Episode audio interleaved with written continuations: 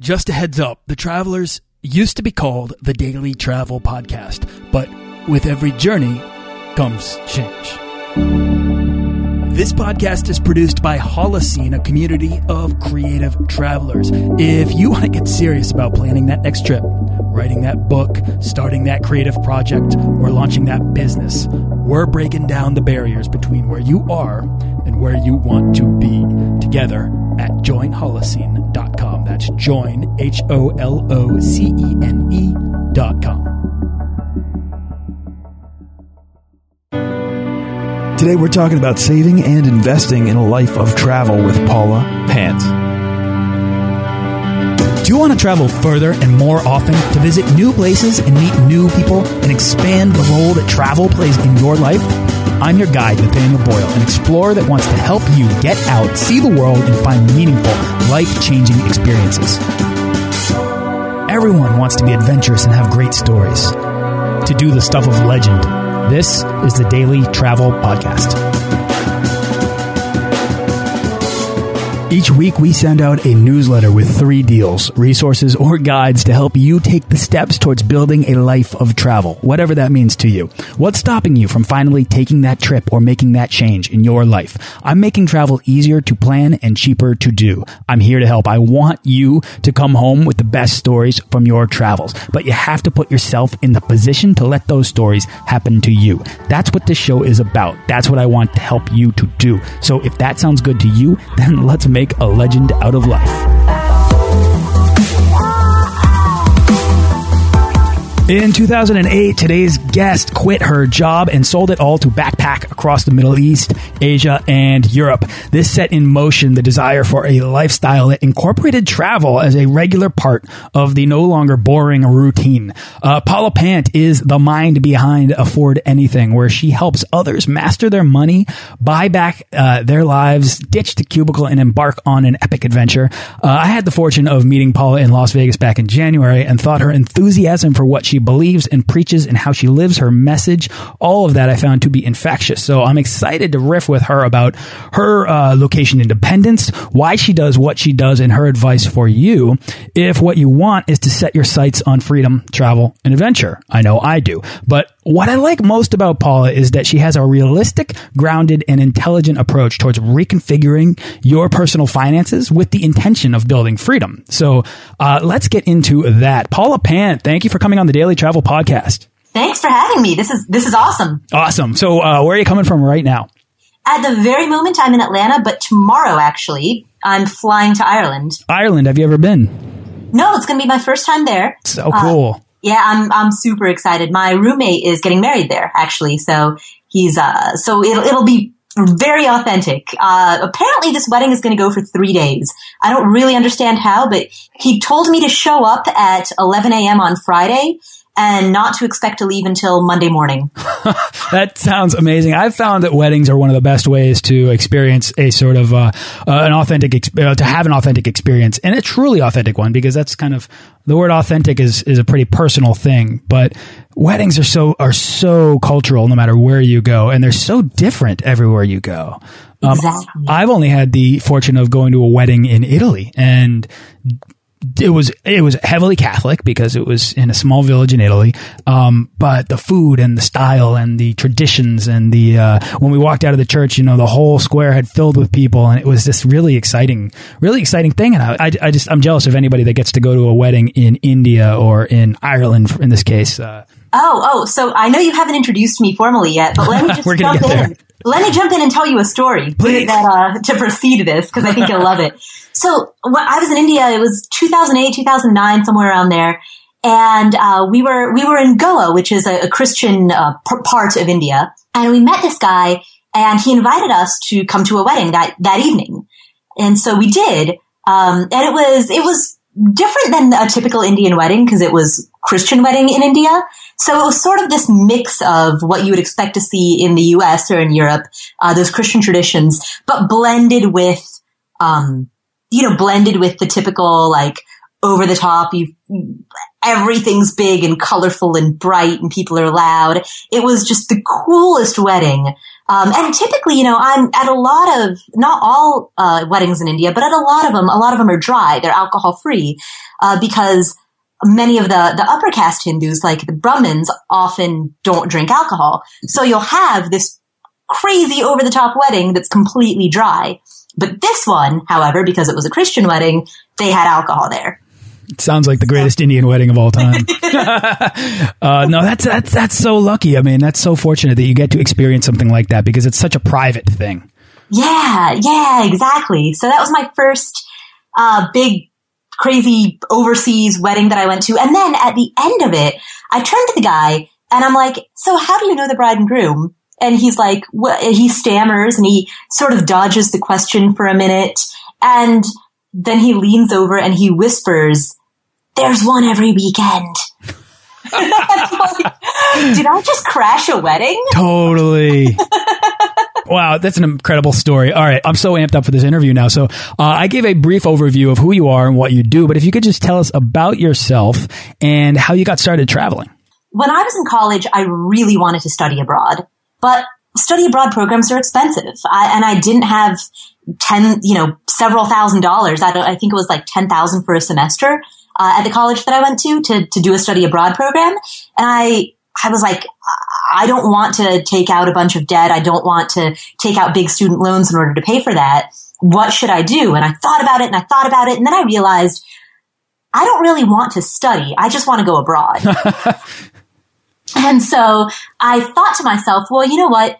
If I just graduate, save up some money, no matter how I do it, I could waitress on the weekends, but just save up money and take a big trip, that's going to be a lot cheaper and probably a lot more fun than doing a traditional study abroad program. And so that was the original intent. And when I graduated from college, because I needed money, I got a job, which is, you know, apparently what you do when you need money.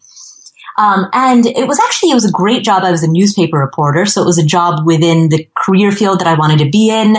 I newspapers are the type of work that you go into. It's a passion job. So I loved what I did. I had a lot of fun at work. I had great colleagues, an amazing boss who is very much a friend and a mentor. So I, I had it made in, in almost every regard. Very few 22 year olds are lucky enough to have uh, a dream job. But I knew that as long as I worked for an employer, even if that employer was cool enough to be a newspaper, as long as I worked for an employer, I would never be able to really travel. I would get two weeks a year of vacation, maybe three weeks a year at most. And I wasn't willing to accept a life like that.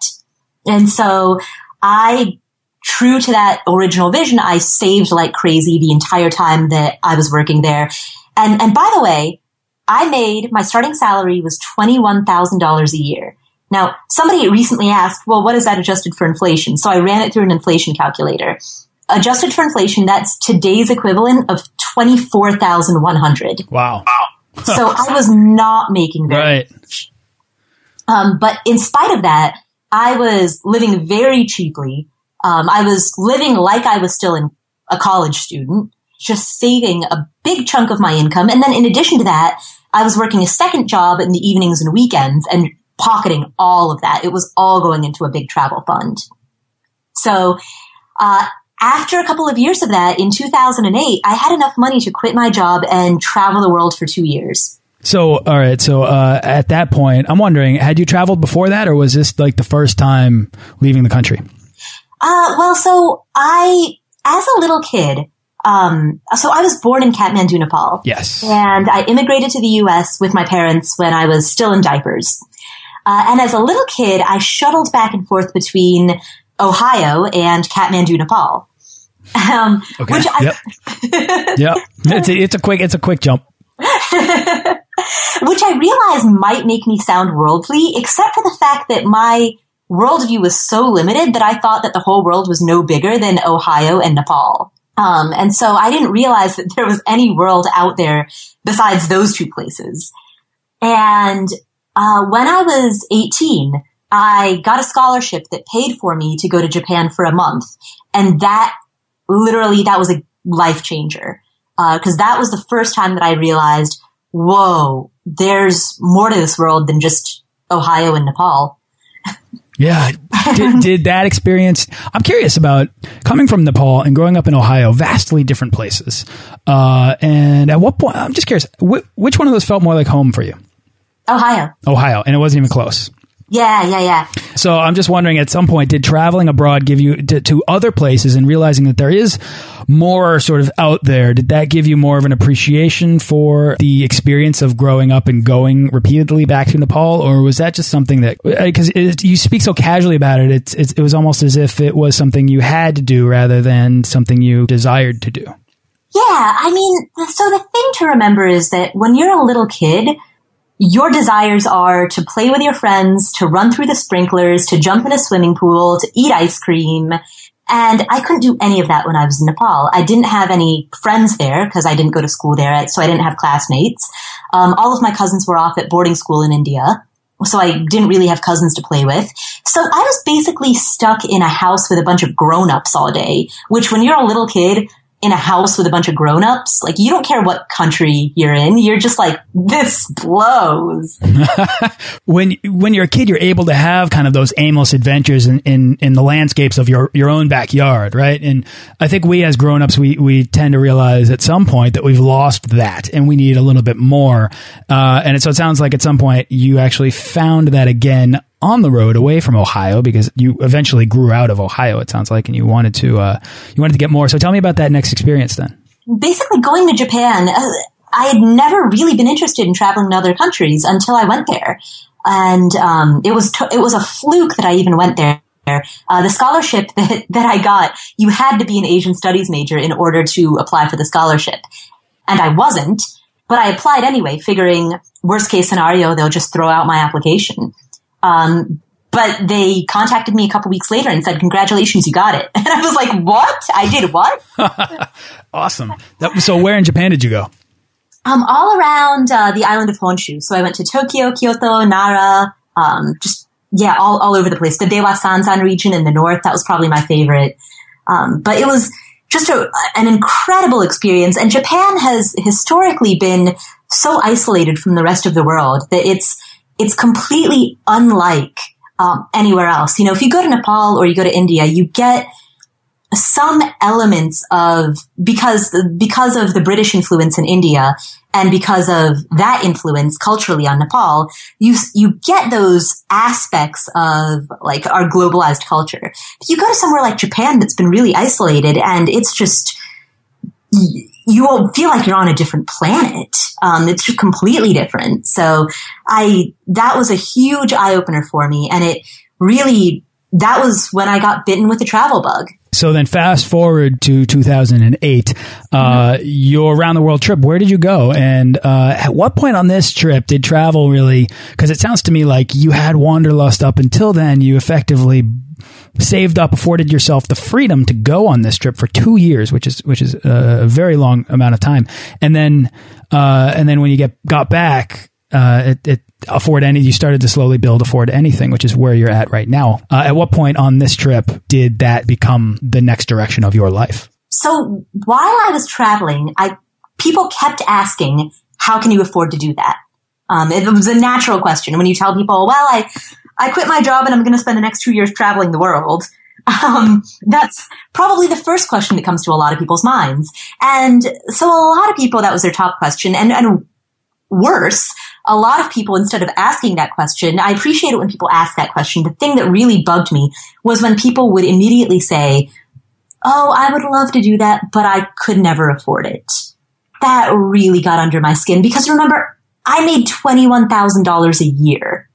I did not make very much money. I didn't get help from my parents after I graduated from college. I completely funded it on my own and I was debt free. Um, so I wasn't putting this on credit cards. I, I did it the old fashioned way and no one seemed to really grasp that.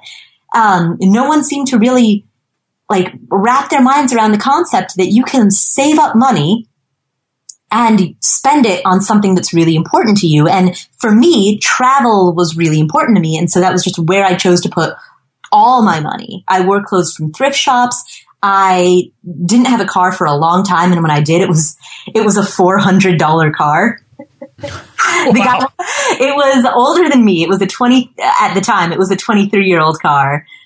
Um, and it didn't have a seatbelt. The seatbelt was completely rusted through, which in hindsight was not a very safe decision. So, Paula, where did you go on this trip? Tell, take us through the, take us through the journey, and then, uh, and was there an inflection point in this trip that you know you knew you were going to start afford anything, and that was going to be where you go? Uh, well, in the beginning, I briefly, briefly went to Europe. I knew that I didn't want to spend very much time there because um, the dollar to euro conversion definitely does did not work in my favor but I wanted to see it. So I spent six weeks in Spain, uh, two weeks in Portugal, two weeks in Italy, uh, two weeks in Austria, two weeks in Germany. And then after that, um, uh, after that, my next stop, I briefly flew home to Denver because I had to just move some stuff around. Uh, I was living in Denver at the time and then moved, flew on a one way ticket to Cairo, Egypt. And I spent the next five or six weeks in Egypt um, traveled all around Egypt, went to Alexandria and the Siwa Oasis and Sharm el Sheikh and um, out by the Libyan border and down south. It was just incredible. If if I would love to do that again. Um, went to Israel for a couple of weeks. Flew over to India. That was when I accidentally crashed a wedding. Um, spent about three months in India. Uh, headed back up to Nepal, which um, was interesting. I it was my first time going there without my parents. And so it was a very different experience being there as a, as a tourist as opposed to as a child. But I didn't really want to spend too much time there because for me, a big part of, a big purpose of the trip was exploring the rest of the world. So, um, I went on a trek, but I spent like probably three weeks there, not very long.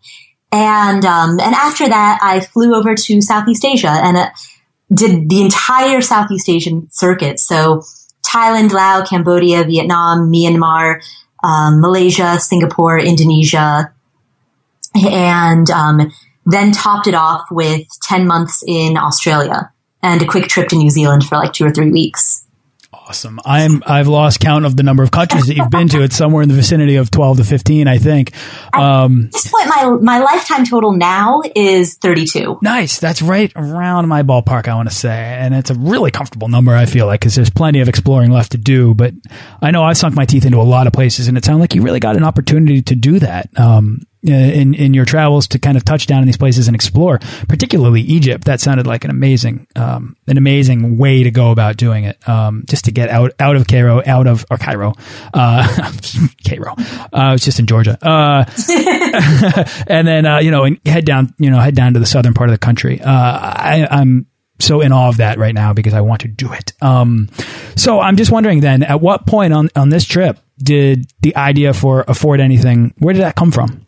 Uh, I was in Indonesia. I was in Bali. I spent two months in Bali. Uh, no, wait, correct that. I spent two months in Indonesia, a month of which was in Bali, a month of which was in Flo- Flores.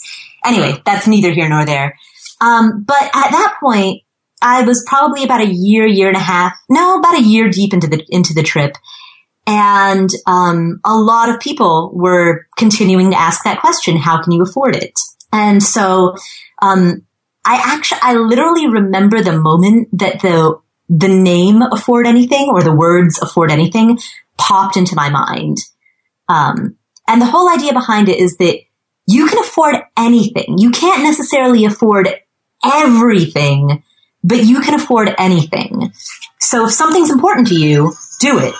That's interesting. So then your travels, basically because you were able to save on such a little amount to do something so massive, uh, that really taught you that, you know, you were capable of, uh, of just about being able to buy anything because two years on the road is, a, is I mean, that's more than most people think they can ever spend on any on, on any one thing. Um, and for you, you know, you're able to, to continue doing that. So you so you have this kind of this concept based on your personal experience that you could start this website and start helping people to kind of what take on the same mindset as you.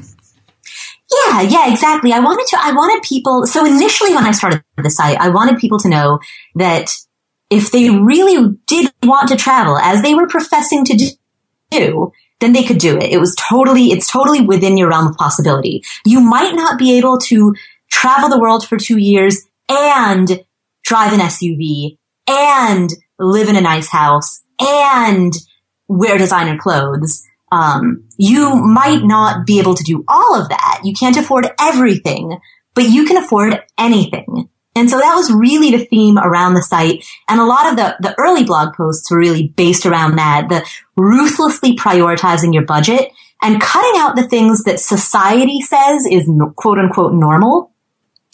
Cutting out those things if they don't actually matter to you. And one of the examples that I keep giving over and over is that if people spend their money on something that society says is normal, no one ever questions how they can afford it. People just assume that they made it a priority and they found a way. Um, for example, if somebody says, I'm going to go to grad school, um, no one ever says, wow, you must be wealthy. How can you afford that? I would love to do something like that, but I can't. Or if somebody says, uh, I just bought a house, a modest little starter home, you know, you still need a down payment for that. And no one ever says, Oh my goodness, you bought a modest little starter home. Whoa, you must be rich. You know? right. But right. like people just assume that because it's quote unquote normal, uh, that, that you've made it a priority and you figured out a way to do it. Weddings are another great example. If you say, I'm getting married, the person's first response is not going to be, well, how could you afford that? You know, but, right. but people spend money on weddings all the time and we just assume Exactly, exactly. And even a, a like modest wedding is $5,000, maybe 10,000. Um, and people, we just assume that people have figured out a way to do it. They've cut back on other elements in their life. They've stopped dining out at restaurants or they found ways to, to turbocharge their income. They've taken on a second job. They're hustling on the evenings and weekends. You know, you, you just assume that people have like stepped up to the plate and found a way to get that money. And yet for some reason, when it comes to travel, those assumptions just aren't there. For some reason, when it comes to travel, if you say, I'm going to Ireland tomorrow, everyone's first response is, well, you must be loaded. Totally. I mean, Paula, this is perfect because this show is about making travel a bigger priority in your life, whatever that means, you know, and that can be uh, the full spectrum of a life of travel. Man, Paula, you've kind of uh, you've embraced this or this concept that that you can afford anything. It's where you put your money. That's that's your priority. You can almost vote on your priorities with your dollars, right? And, exactly. All right. So then, how does somebody who is rooted in their lives, in their financial spending habits, and in their routines that you know somebody that is kind of has that wanderlust that wants more adventure or more freedom in their lives how can they even begin to get started to identify the things that they that they don't want and that they can cut out? So first and foremost pick what percentage of your income you want to save and i recommend anywhere between 20 to 50% of your income. 20% if you're quote unquote a normal person and 50% if like me you're a little bit extreme. Uh, pick a percentage of your income that you want to save skim it off the top and then spend the rest. And the reason that I say this is because a lot of people do the reverse. A lot of people spend money and then at the end of the month, whatever is left over that they happen to have not spent is their quote unquote savings. I say reverse that. Save first, skim those savings off the top first and foremost, and then force yourself to live on whatever's left over. No, I love that. I'm sorry to interrupt you, but the reason why I love that is because you get it out of the way. In fact, you can automate that, right? So you can set it so that your bank automatically transfers whatever. And, uh, and then you can have a guilt free month of spending the dollars that you've already allocated towards making you happy by spending like for instance i love a great cappuccino or i love a good craft beer i don't want to skimp on that stuff uh, because those are the things that make me happy in my day to day life. If if I want to make travel a bigger priority, that doesn't mean that I need to make the the majority of the time spent at home more miserable, right? Exactly, exactly. And you know, and the other thing is, if you, especially if you're not a naturally detail oriented person, the idea of having some excruciatingly line itemed budget is just it's overwhelming. Um, whereas yes. if you just pull your savings off the top and then force yourself to live on whatever's left over, you don't even have to think about what percentage of my income is going towards groceries versus um, electricity. You know, you just you can freely spend that money without really needing to think about it. 20 to 50% off, scraped off the top, top. At what, what percentage of that, uh, do you recommend investing? And re what recommend, what percentage of that would you recommend, uh, being a slush fund for travels or, or building freedom? How does one build more freedom into their lives with the money that they save without eventually just blowing it all? Mm, great question. So first and foremost, if you have any high interest debt, and I define high interest debt as anything that's above 7% or 8% interest, um, pay that sucker off. That is going to cost you dearly. So that's priority number one. Even if you've got a serious case of wanderlust, if you've got credit card debt, I'm, I'm sorry to be the one to have to tell you this, but, uh, first priority, pay off your credit card debt. Now, if you've got, let's say, a student loan that's at 2% or 3%, that's lower than inflation. Inflation over a long-term average is about 3% a year over a long-term annualized average. So I'm not really worried about that. If you've got a mortgage with a a 3% interest rate on it, keep your mortgage. You know, don't stress yourself out about it. But if you're paying a 10% interest rate on something, just, just knock that thing out because that's going to keep you poor. So, um, that's number one. Number two, have an, a lot of people call it an emergency fund. I prefer to think of it as just cash reserves or a safety net. I think that's a friendlier term for it, but whatever you want to call it, keep some money aside that's just money to bail you out of anything unexpected because unexpected stuff happens.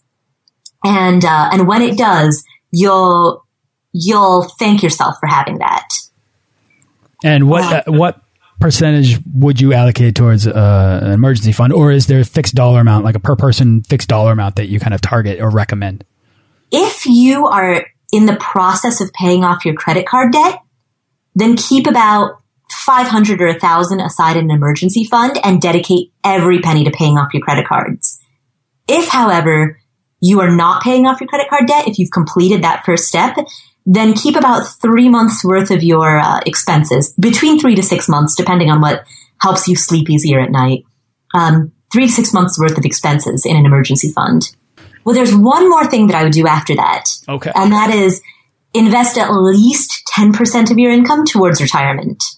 And the reason that I say that, so a lot of people, a lot of the pushback that I get on that is from people who are saying, well, I never want to retire. Or the thing about saving for retirement is that you're not necessarily saving for a day when you'll your 65th birthday when you'll quit your job and then like watch TV all day after that. That's that's not the purpose of it. Think of your retirement savings as sort of a, a worst case scenario fund that you can tap when you're old. So let's say that you're in your 60s and you're not in good health um, you get sick, you get ill, something happens, you want to keep working, but you can't. Maybe you get fired because of age discrimination, just something happened. Maybe you have a child who is, God forbid, diagnosed with cancer. Um, but for some reason, you know, you need to stop working.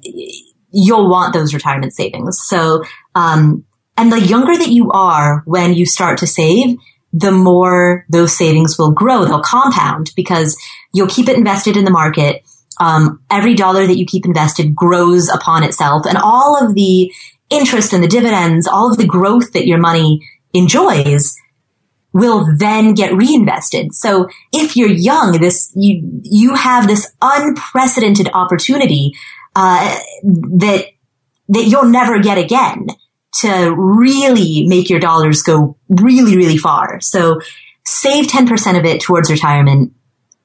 Just as a, it's an emergency fund for your golden years.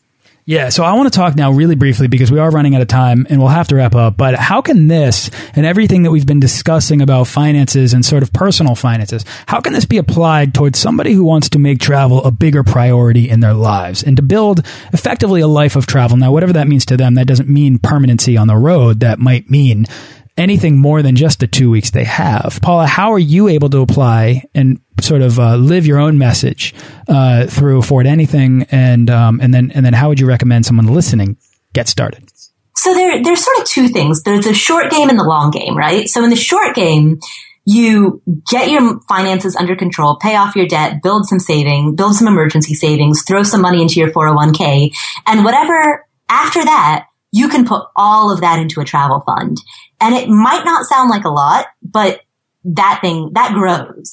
Let's remember, if you cut back in your normal daily life and also earn more, get that second job, whatever it is, mow some lawns, pick up some waitressing shifts, whatever it is that you want to do or that you can do, throw all of that into your travel fund. And that will prep you for the short game. That was what I did when I wanted to go backpack for two years. Um, I just hustled like crazy and threw all of it after retirement, threw all of it into a travel fund. So do that for the immediate future. For the long game though, for the long term future, buy investments that give you a stream of passive income.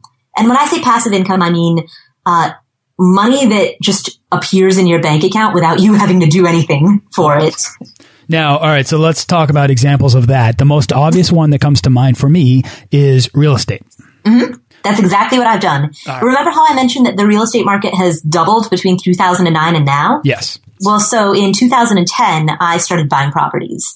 And I've been buying them continuously, just as whenever I have enough money to buy another one, I buy another one. So now I just recently closed on uh, my seventh rental unit, and the pass the net passive income, and by that I mean the income after all expenses, including um, mortgage, taxes, insurance, paying a property manager, vacancies, repairs, maintenance, all of that other stuff. The net passive income now is about forty thousand a year. And that's so, on seven units. That's on seven units, yeah.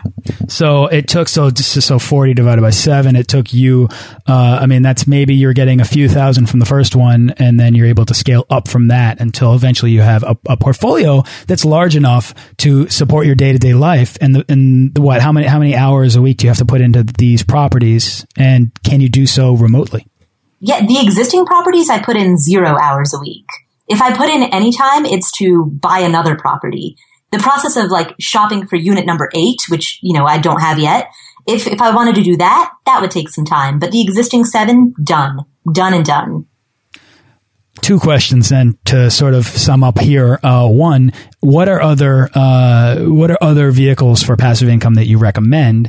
And mm -hmm. two, uh, where can people go? And I assume that you teach this on uh, Afford Anything. Where can people go to sort of get involved in this if they want to learn more? Sure. Uh, for the first question, other vehicles, I'm a big fan of what are called index funds. Now, what that means is that instead of buying an individual stock like Coca-Cola or Nike, you're investing in the broad overall economy. So you will do as well or as poorly as the overall broad market will do. Uh, and when you buy index funds, one thing that's really cool about them is that you can get paid what's called a dividend. So they're two, like with a house, when you've got a house, you've got the house itself might rise in value. That's what's called capital appreciation. But then you've also got money that comes from the house every month, and that's cash flow.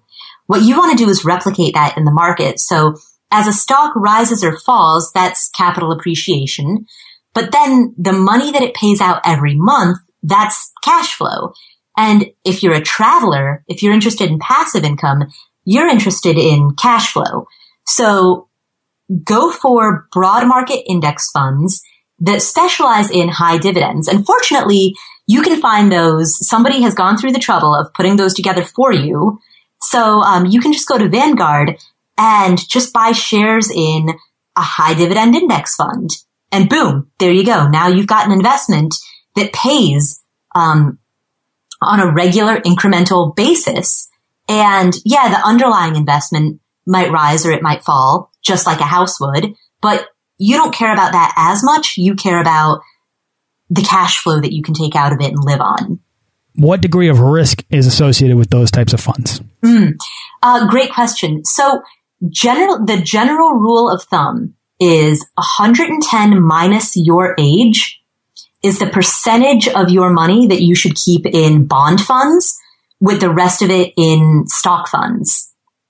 So for example, if you were 20 years old, you would want to keep, um, God, I'm so terrible at mental math. Uh, it's, it's 90. you were 20 years old, you'd want to keep 90% of your, uh, of your investment portfolio in, uh, stock index funds or equity index funds with the rest of it in bond funds. And then as you age, as you get to 30 years old, then you shift over to 80%. When you get to 40 years old, you shift it and you just, you keep adjusting your risk profile to be in line with your age. And the reason for that is that if you get hit with another big recession when you're young, you can weather that's not really a huge deal. Yeah, exactly. You've got time to recover. Whereas if you get hit with a huge recession when you're, if you are the baby boomers age, if you're 50, then, um, that's going to be a lot. You're not going to have time. Time is not on your side anymore to, to get that recovery. Right. Fascinating. All right, so this this is we, we are so far down this. I love this though because clearly, Paula, you know what you're talking about here. I mean, it's your your ability to articulate finance and actually make it fairly interesting is really uh, is really great. I mean, this is why I wanted to have you on the show so that Oh, you could do you. that. Yeah, absolutely. So, uh, I, I'm, and then I'm wondering then. Um, where can people then go to if they want to, if they like what what you're talking about here, and they're kind of getting it, and they're thinking, you know what, I'd actually like to get started doing that because maybe it's not an immediate payoff, but in five years, uh, I will be at the point where I have a life of travel and I can begin to sustain myself on passive income sources. Where can people go to learn more about this? go to affordanything.com. I've got a tab there uh, called real estate where I detail and I'm totally transparent about every single investment that I've made, um, how much the houses cost, uh, how how much they cost to purchase, what they cost to fix up, and what the ongoing operating costs are. You can get all of that information there. And I'm not just sharing the numbers, I'm also walking you through my decision making process. So you can see the thoughts that are going on in my head when I'm evaluating properties. Is this a good deal? Is it not? Should I buy this? Should I not? What are the big myths that people have? One of them is when people are like, oh, well, the rent is higher than the mortgage, therefore it's going to be a good deal. Eh, no, do not ever say that. So I walk through all of that on the blog. And I also have uh, a different tab, and I think it's a, it's a sub tab, one of the drop downs, uh, where I talk about more traditional market investments like stock funds. Um, so all of that information's on the site affordanything.com. Uh, so go there. And if you have any specific questions, if your listeners have any specific questions, reach out to me. I'm totally accessible. Uh, so reach out to me on, on Facebook, on Twitter. Uh, I'm at afford anything. So, um, yeah, feel free to ask me any questions. I always love interacting with people. Perfect. The stress of finance is, is real, especially for people who want to travel more uh, without sort of blowing everything, right? And so setting up systems for yourself ahead of time to whether that's just having freelance income that supports your travels or being even smarter about it and investing the earnings that you have into the stuff that Paul is talking about so as to set yourself up to succeed. It's a smart idea and these opportunities are out, out there. You just have to put, you know, your mind, you have to apply your mind uh, uh, towards understanding, learning, and, and, and, applying yourself towards it. Uh, Paula, this is really cool. Um, we, have got to wrap up here, uh, but let's bring it back to travel. Is there anything else that you'd like to share uh, about travel, about life, that, you know, before we wrap up? Uh, I would say, oh, okay. I've got, I've got one more message, and that is, I mentioned earlier, all of this start, a lot of it started because I wanted to study abroad and didn't have the money to, and uh, then realized, oh, I should just save up a bunch of money and then go abroad. When I was thinking about that initially, I also thought, well, what if I could find a job that would allow me to uh, go overseas? Um, now it's weird. I, I let go of that because I figured, well, I want to be free. I want to be unencumbered. I just want to travel on my own dime and have adventures and explore and enjoy and not like have to wear a suit and show up to a meeting. You know, like that's not really my goal here. And now it's strange. I'm actually in a position where I occasionally will get invited to do um, a workshop or something like that in another country. It's sort of all come full circle where now I am going abroad, sometimes for personal reasons, but then sometimes also to work. I am more convinced than ever now in the value of just traveling for yourself, personal travel as opposed to business travel. So, um, it's just a final message that I want to send to listeners is if you are thinking, well, I'd really like to travel, but maybe I can find a job that'll send me overseas. Don't settle for just doing that. It's fine if that's part of what you do, but don't, don't make that all of what you do because traveling when you control your own schedule and you have the freedom to experience a place in the way that you want to experience it is a completely different ballgame. Um, and don't deprive yourself of that. Um, Paula, thanks so much for coming on the show. You know, you've really brought a wealth of knowledge about wealth itself, and uh, you know, it's been it's been really kind of engaging to listen to you talk about all this stuff. Uh, I actually can't wait to just head on over to afford anything and check out what it is you're talking about because I'd, I'd love to dive into this and, and get involved and really feel confident about where I'm putting my dollars so that when I do go and travel or even just do things in my own backyard and find local adventures, I can do so guilt free without worrying about my future. Yeah, yeah, absolutely. And you know, travel, remember, short game and long game. Save up and go travel right now. Don't wait 10 years. 10 years is for the passive income. Right now is for the savings that are in your savings account. So uh, travel now and travel later. I love it. I'm going to end it on that. Paula, thanks so much for coming on the show. Thank you so much for having me. Thanks for listening to this episode of the Daily Travel Podcast. For show notes and links to everything in this episode and more, head on over to dailytravelpodcast.com. Join our Facebook page of explorers and subscribe to our newsletter for the best deals and resources to help make your next trip life changing.